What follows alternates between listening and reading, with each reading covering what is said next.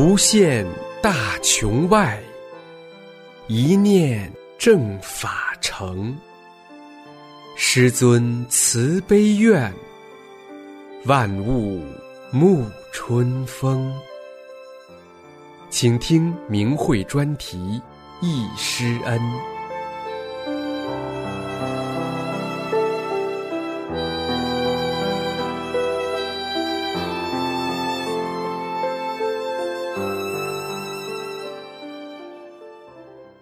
请听明慧易师恩专题文章，题目是《难忘幸福时刻》，回忆两次参加师傅的传法班。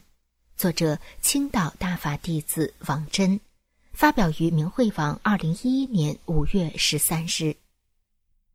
师傅在《转法论》书中讲，有个青岛学员午休时室内没人，他在床上打坐，他一打坐就起来了。王气颠得很厉害，一米多高，起来之后又落下来，咚咚来回颠，把被子都颠到地上去了。有点兴奋，也有点害怕，颠来颠去的颠了一中午，最后上班打铃了，心想，可不能叫人看见了，这干什么呢？赶快停下来吧，停下来了。我就是师傅所说的这个打坐起空的老学员。在师傅从九二年亲自在大陆传法传功不长的两年半中，我两次参加了师傅的传法班，并有幸当面聆听师傅的谆谆教导。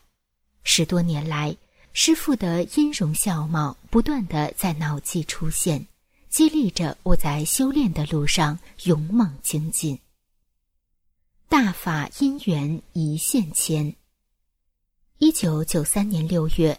我有幸在师傅的家乡长春得法，我清楚的记得，那年我老伴儿与孙子同时生病住进医院，我在医院照料他们。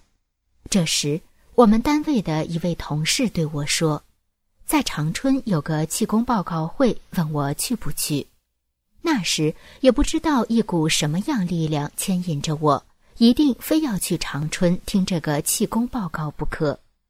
我对生病的老伴儿说：“让他做孩子们的工作，支持我去参加这个学习班。”老伴儿非常支持我，满口答应。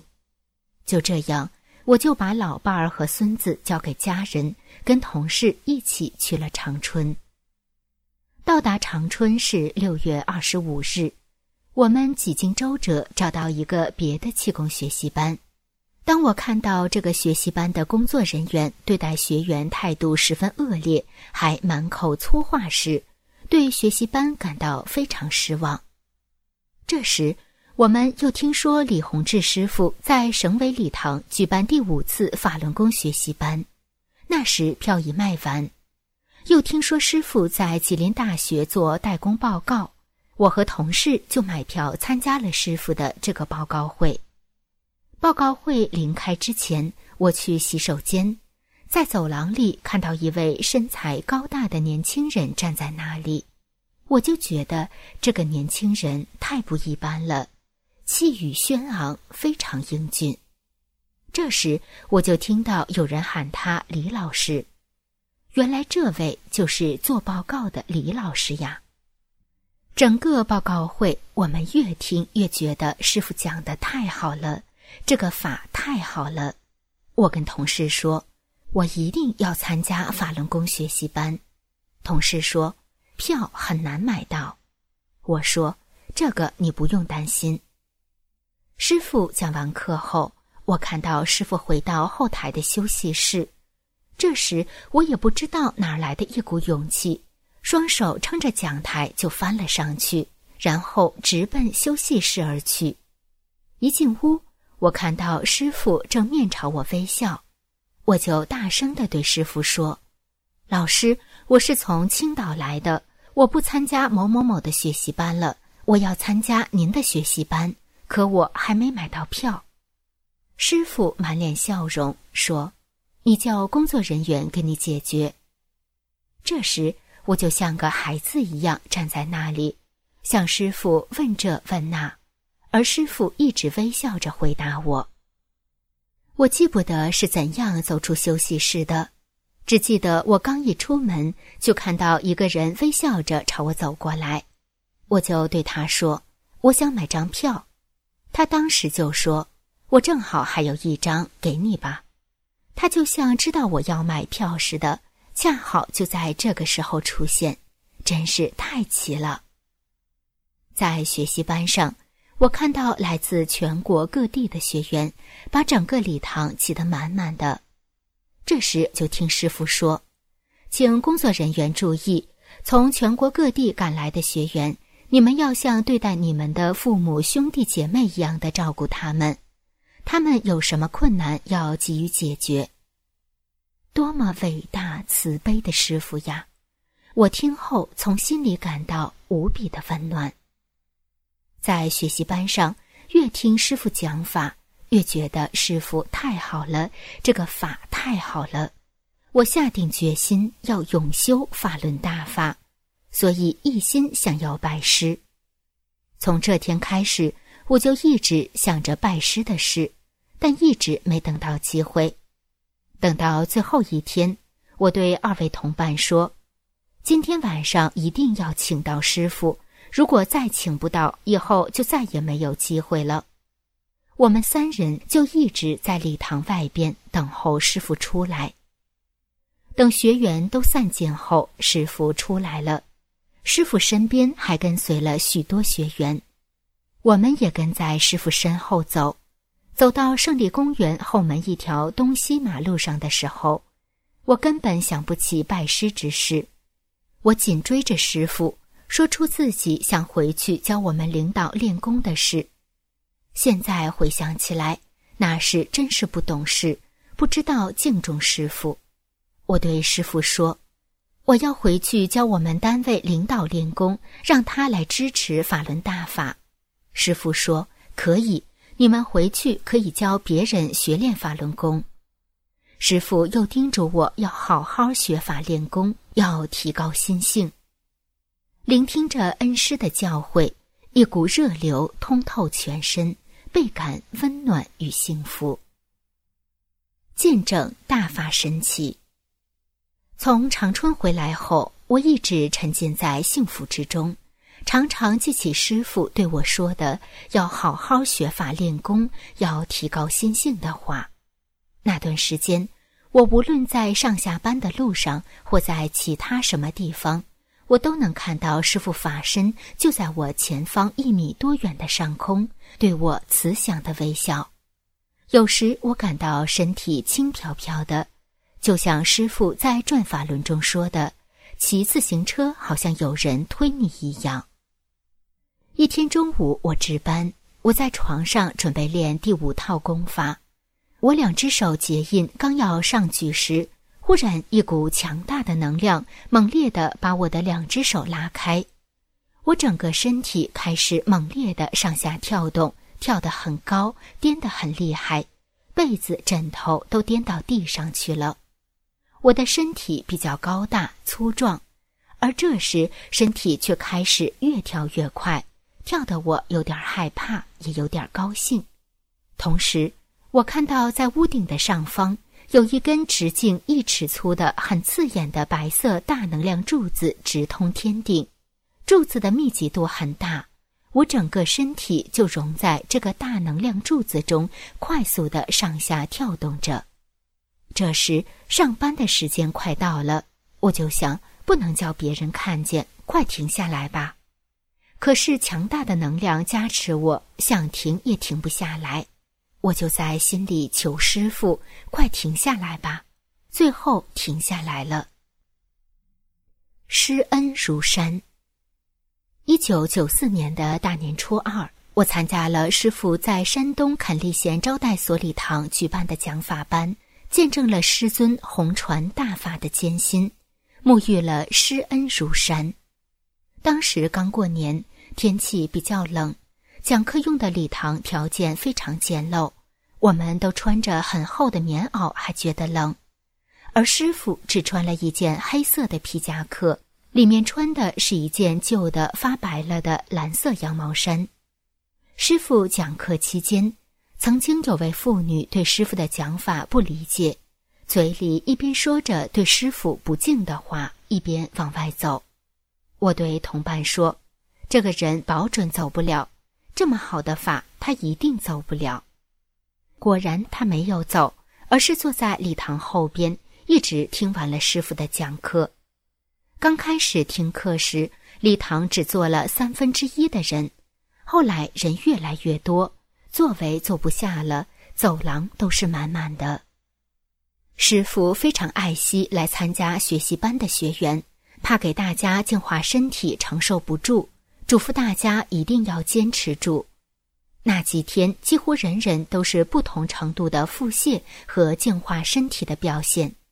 我练完动功时，脚底下排出两堆冒着泡沫的脏乎乎的液体。一次课间休息。我有幸坐在师傅身边，兴奋的像个孩子似的。眼前的师傅亲切随和，没有一点架子，而师傅的脸色特别红润，皮肤特别细腻光滑，浑身透着一种特别的说不出的气息。我对师傅说：“从长春回来后，我天天想您，天天看见您就在我前上方一米处的地方看着我。”师傅说：“其实我天天就在你身边。”我又对师傅讲述了我在练功中出现的神奇现象。每次学习班结束时，全国各地的学员都想和师傅合影留念，我就看到这样一种情景：这个地区的学员还没有集合齐，就把师傅请过去；另一个地区的学员一看那个地区的人还没到齐呢。就把师傅请到他们那儿去，结果师傅就这样经常被学员请来请去的。当时我想，学员这样做对师傅不敬，我心中感到难过。可是师尊还是微笑着在等待学员。此时，我怀着最崇高的敬意走到师傅跟前，对师傅说：“老师，我有个小小的请求。”师傅说：“你说。”我说：“您的办班时间太紧张，太累了。班与班之间只有两天的时间，我想请求您把时间再稍微延长一点。”这时，慈悲的师傅马上握着我的手说：“这个你放心，我受得了。”我也紧紧地握住师傅的双手，我再次感到一股强大的热流通透全身，幸福的感觉。无法形容。现在回想起来，这一切仍然历历在目，如同当初。从师傅对我讲的这九个字里，我感受到了师恩浩荡，感受到师尊为救度众生所付出的巨大艰辛。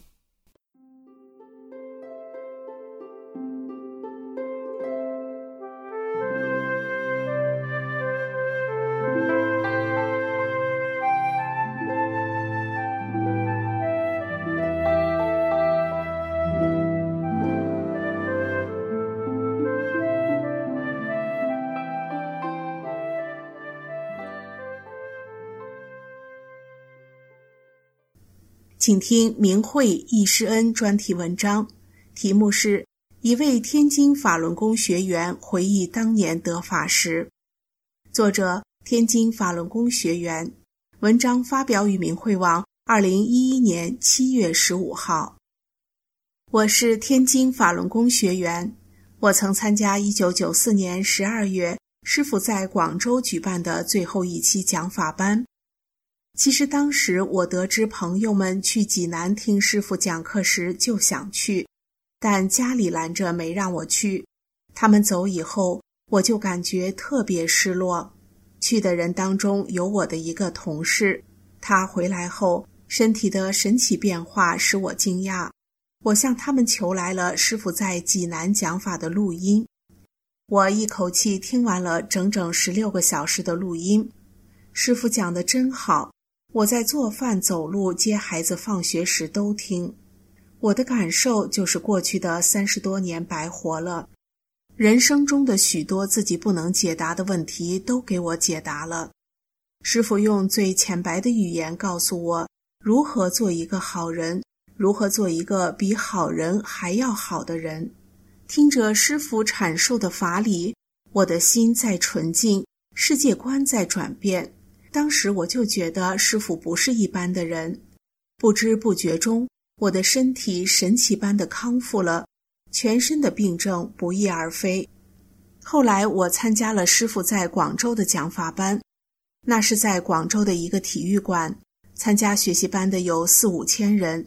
师傅身材高大，他的身影一出现在体育场时，全场爆发了雷鸣般的掌声。我平生从来没有见过这种场面，那样的祥和。第二天，师傅亲自给在场的学员清理身体，他把会场的学员分成两部分。让这班边的学员想一下自己或家人身体有病的地方，听师傅口令一起跺脚。当时就有很多学员感到身体一下子轻松了。师傅又给那半边的学员清理身体，结果那边的学员心急，没等师傅下口令，就急不可待地跺脚。师傅笑了，说：“你们如果学法都这么精进，我就高兴了。”在场的学员都感受到了身体没有病是什么滋味。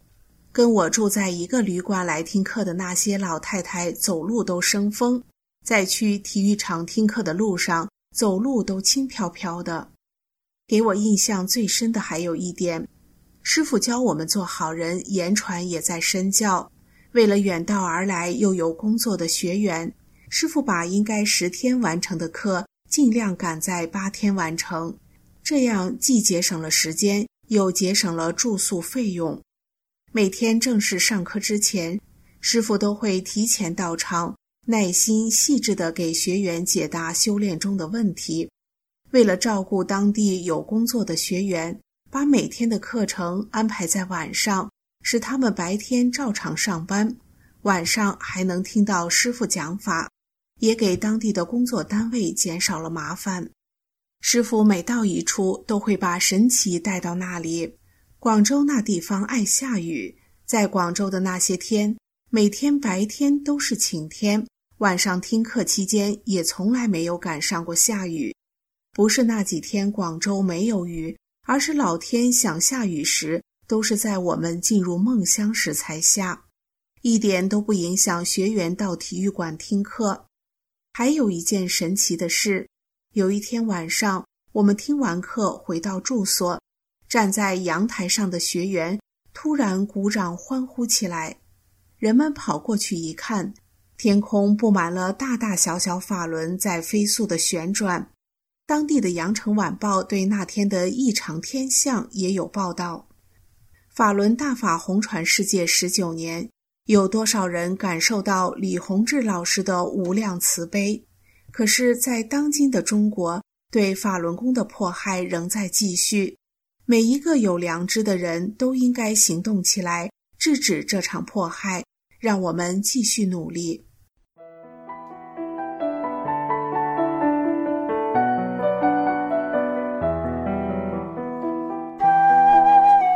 您现在收听的是明慧专题《易师恩》。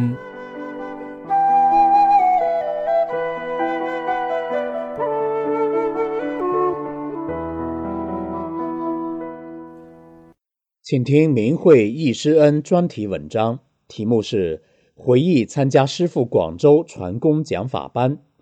文章发表于明慧网，二零一三年六月六日。作者：湖南郴州大法弟子。九四年底，我再次去广州参加法轮大法学习班。下了火车后，遇到很多千里迢迢慕名而来的人。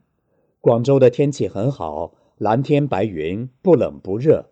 走在繁华的街上，没有喧哗声。公交车上，人们上车下车很有序。我心里真是喜气洋洋，好像一种很有缘的感觉。我们一行人走呀走，正想着住哪儿，师傅在哪儿。说话间，两部摩托车就到了眼前，问：“大爷们是来参加李老师讲法吗？”我们答：“是呀。”对方说。我们是广州学员，接你们来的。”接着要我们都坐上摩托车，本是互不相识的，可却像亲人一样。第二天到了会场，我看到大门前有人在那围着，听说师傅在那儿，我也去看，心想着那个特别高的就是师傅，大家都想先靠近师傅看，我站后面看。师傅长途刚下车，先来看看学员。会场上来自五湖四海的学员整整齐齐地坐满了。上课时间到了，师傅来了。师傅干净整齐，形象高大，容貌非凡。几千双可盼师傅到来的目光集中在师傅身上，响彻云霄的掌声迎送师傅上讲台。师傅宏大慈悲的目光。给了学员一种万般亲切的感觉。寻师几多年，一朝亲得见，见红颜圆归圣果。大家不眨眼地看着师傅，那无比激动的心情，让很多学员眼泪一把一把的擦。师傅讲的都是从没有听过的天机，学员在那种空前神圣的气氛中，自始至终全神贯注。目不转睛地听，落下一句都是自己的损失。我很快从根本上明白了为什么要重德行善，做好人。什么是重德？德是什么样？起什么作用？干什么用的？师傅讲，作为一个人能够顺应宇宙真善忍这个特性，那才是个好人。背离这个特性而行的人，那是真正的坏人。在单位里。在社会上，有的人可能说你坏，你可不一定真坏；有的人说你好，你并不一定真好。作为一个修炼者，同化于这个特性，你就是一个得道者。就这么简单的理。见转法轮，我像通电似的，一层一层明白了。我听懂了师傅讲的意思，心生欢喜。当师傅说那骨头都是一块块黑的。见转法轮，大家都觉得好像在讲自己。师傅讲到，你身体内脏都要净化下来的。见转法轮，学员们在住宅就泻肚子，排队上厕所。师傅的话太真实了。我旁边一人轻轻和我说，这次他就听到一点点消息，来不及再打听就动身了，抱着即使跑空也不为之后悔的心态。争分夺秒赶时间，朝广州方向坐飞机、坐轮船、坐火车、坐汽车，真是逢山过山，逢水过水呀！到了广州，很容易就找到了师傅，就好像有人带路。他说，在路途上一路都是泪流满面。课外，大家拿着书给师傅签名，师傅也签了。师傅为这事讲了一段法：你不修啊！我给你签名也没有用，我的书字字都是我的形象和法轮，每句话都是我讲的，你还要签什么名呢？见转法轮，几次照相我不参加，感到自己的形象太差，业力太大。师傅的声音鼓励我，要我不要悲观。我从中悟到，师傅对学员没有厚薄之分，没有区别对待，师傅不落下我。学法后，发现自己内心世界变化很大。师傅的一言一行，在我们的心中都是如获至宝，都觉得和师傅在一起胜似天堂。那时间比金子还贵，寸金难买寸光阴。有天晚间休息，师傅显现在天空中，黄衣服、黑色袜，盘腿打坐在莲花台上，约有二十分钟。很多学员都看见了。学习班上有说不完的好事，因为人数太多，座位不够。广州学员主动申请让位，让外地学员坐上自己的好位置。很多好事却不知道是谁做的。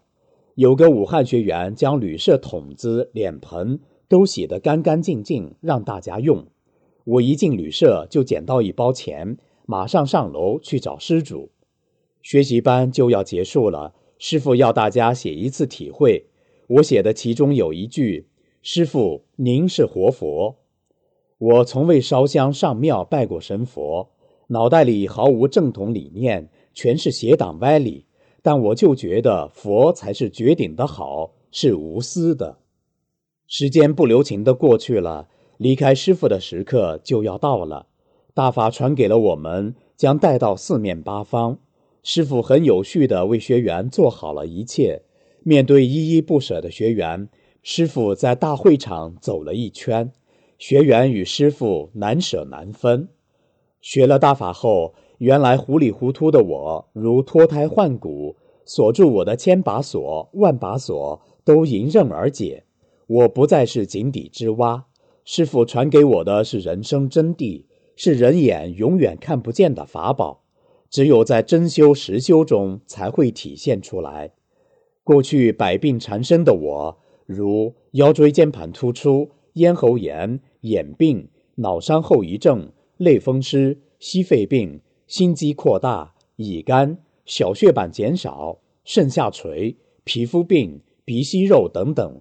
每年皮肤长风驼，奇痒无比，满脸都是黑斑盖住，连鼻子尖儿都变黑了。长期低烧，脸上发烫，红得像血块一样，乳腺肿瘤让我不能走快，盖上棉絮都用手撑住才转身过来，被碰着就痛得发出喊叫声。我想我的病只有天上的神仙才能治，没钱不说，有钱也医不过来呀。哪知真有这一天，找到师傅了，一切病痛都没有了。我是大法给的生命，在修炼路上，我也是珍惜自己的机缘，知道要得这个法，成为大法弟子，谈何容易？我牢记师傅的话，不要得之于易，失之于易。我修炼中也一直在争气，当然离师傅法的要求那还遥远。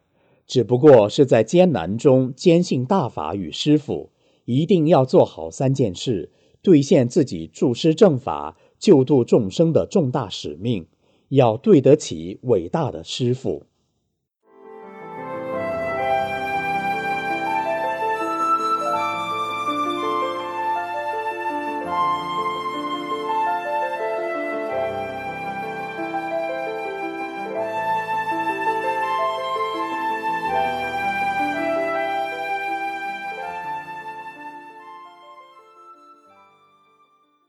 请听明慧忆师恩专题文章，题目是《回忆听师尊济南讲法的日子》，作者大陆大法弟子。文章发表于明慧网，二零一一年六月九日。我是一九九四年听过师尊在山东济南讲法的老弟子，今年六十一周岁了。每当我回忆起这段美好的日子，就觉得非常的幸福与快乐。一九九四年三月的一个傍晚，我骑着自行车时，一辆解放牌汽车将我撞倒，并从我身上压了过去。伤的最厉害的部位是骨盆，经拍片检查，骨盆三个地方折断，断口间隙大概五毫米左右。在医院里住了五十八天，医生告诉我：“你这个伤没有特效的办法，回家慢慢的养着吧。”我就这样出院了。后来听一位朋友介绍说。有一位叫李洪志的气功大师看病非常神奇，还告诉我，六月二十一日李老师在山东济南讲法传功。原本我对气功治病是不太相信的，可是那时我对身体恢复正常的渴望太强烈了。我当时是一个四十多岁的家庭妇女，身体好坏对一个上有老下有小的家庭来说实在是太重要了。不管怎么说，这算是我的一点希望。无论如何，我得去碰碰这个大运，我就拜托朋友给我订好了参加学习班的票。六月二十一日是我在济南听师傅讲法的第一天，我参加学习班是有别人搀扶着来的。师傅一共讲了九天的法，每天晚上七点至九点两个小时。当我听完第一堂课起身往外走时，奇迹就真的在我的身上出现了。原来的碰碰大运的想法变成了现实。师尊讲法时，我只顾用心听讲，早已经把身体的事忘在脑后。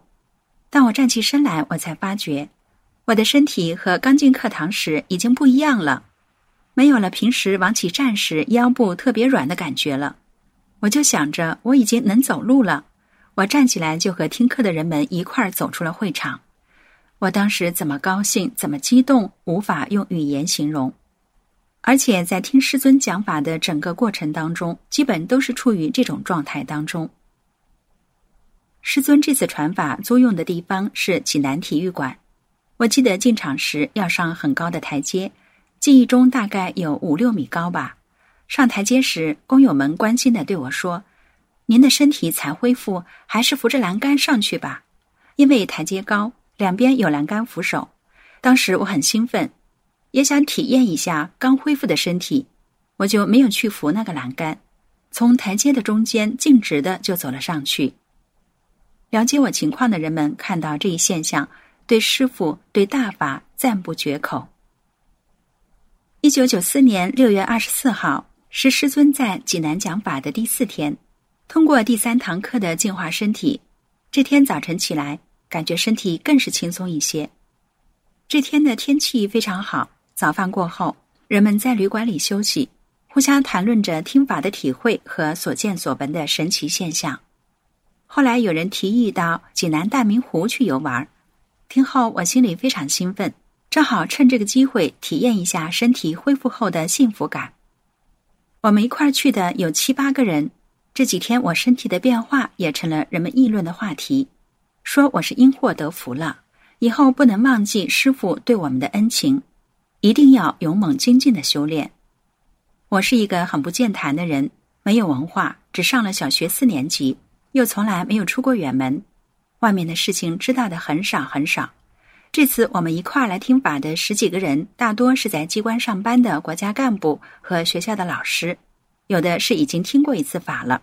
可是他们一点儿也没有因为我是一个什么都不懂的农村妇女而疏远我，并且很关心的照顾着我。在我的记忆中，他们的形象是永远不会消失的。如果不是现在的迫害。我真想在这里点着名的谢谢他们。记得当时我一直沉浸在无比的幸福中。我们边走边说，不知不觉走了七八里路，来到了大明湖。在大明湖玩了一会儿，在吃中午饭以前，我们就又返回到了住处。也就是说，在一个上午的时间，在大明湖玩的时间不算，来回我走了十五六里路。也可能是兴奋的原因，也并没有觉得太累。九天的听法时间很快就过去了，在这九天的听法过程中，不光是身体康复了，我的思想也发生了很大的变化，明白了人生的真正目的是返本归真，不能再像以前那样糊里糊涂的混日子了。六月三十号，我们回到了家中，八十三岁的婆母看到我身体的变化，激动的哭了起来。过了几天，我去地里给玉米提苗。见到我的乡亲都感到很惊奇，我就一一给他们介绍了我学工的经过。其实，自从我得法后，不只是被压伤的身体好了，以前我还患有严重的美尼尔氏综合症，病得严重的时候，一个月左右可能就反复一次。病时一睁开眼睛就觉得天旋地转，在床上一躺就是三五天，不吃不喝，看了很多医生都没有根除的办法。也只能是病得严重时用药缓和缓和。自从我听法后也痊愈了。以上是我在得法过程中自身的情况。我看到不少其他的神奇现象，比如有一天听课，天气很热，有很多人拿着扇子使劲的扇，可能是师傅为了不影响大家听法，叫大家把扇子放下。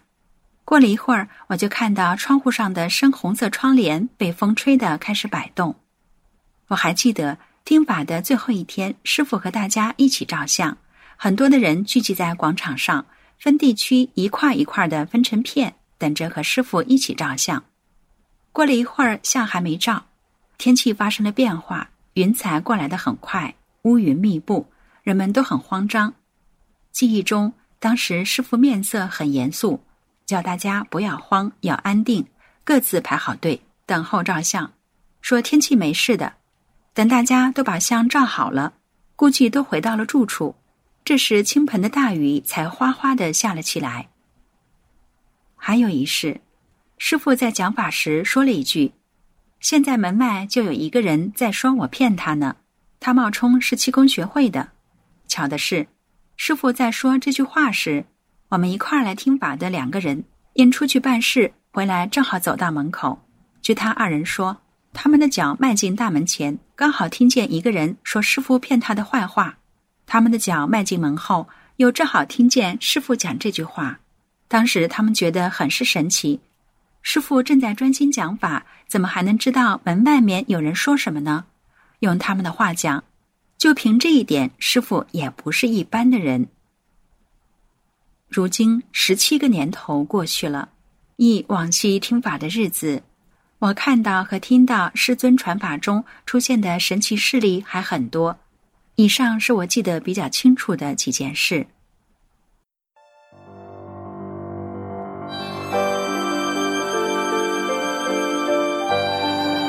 这次的易师恩就到这里，谢谢收听。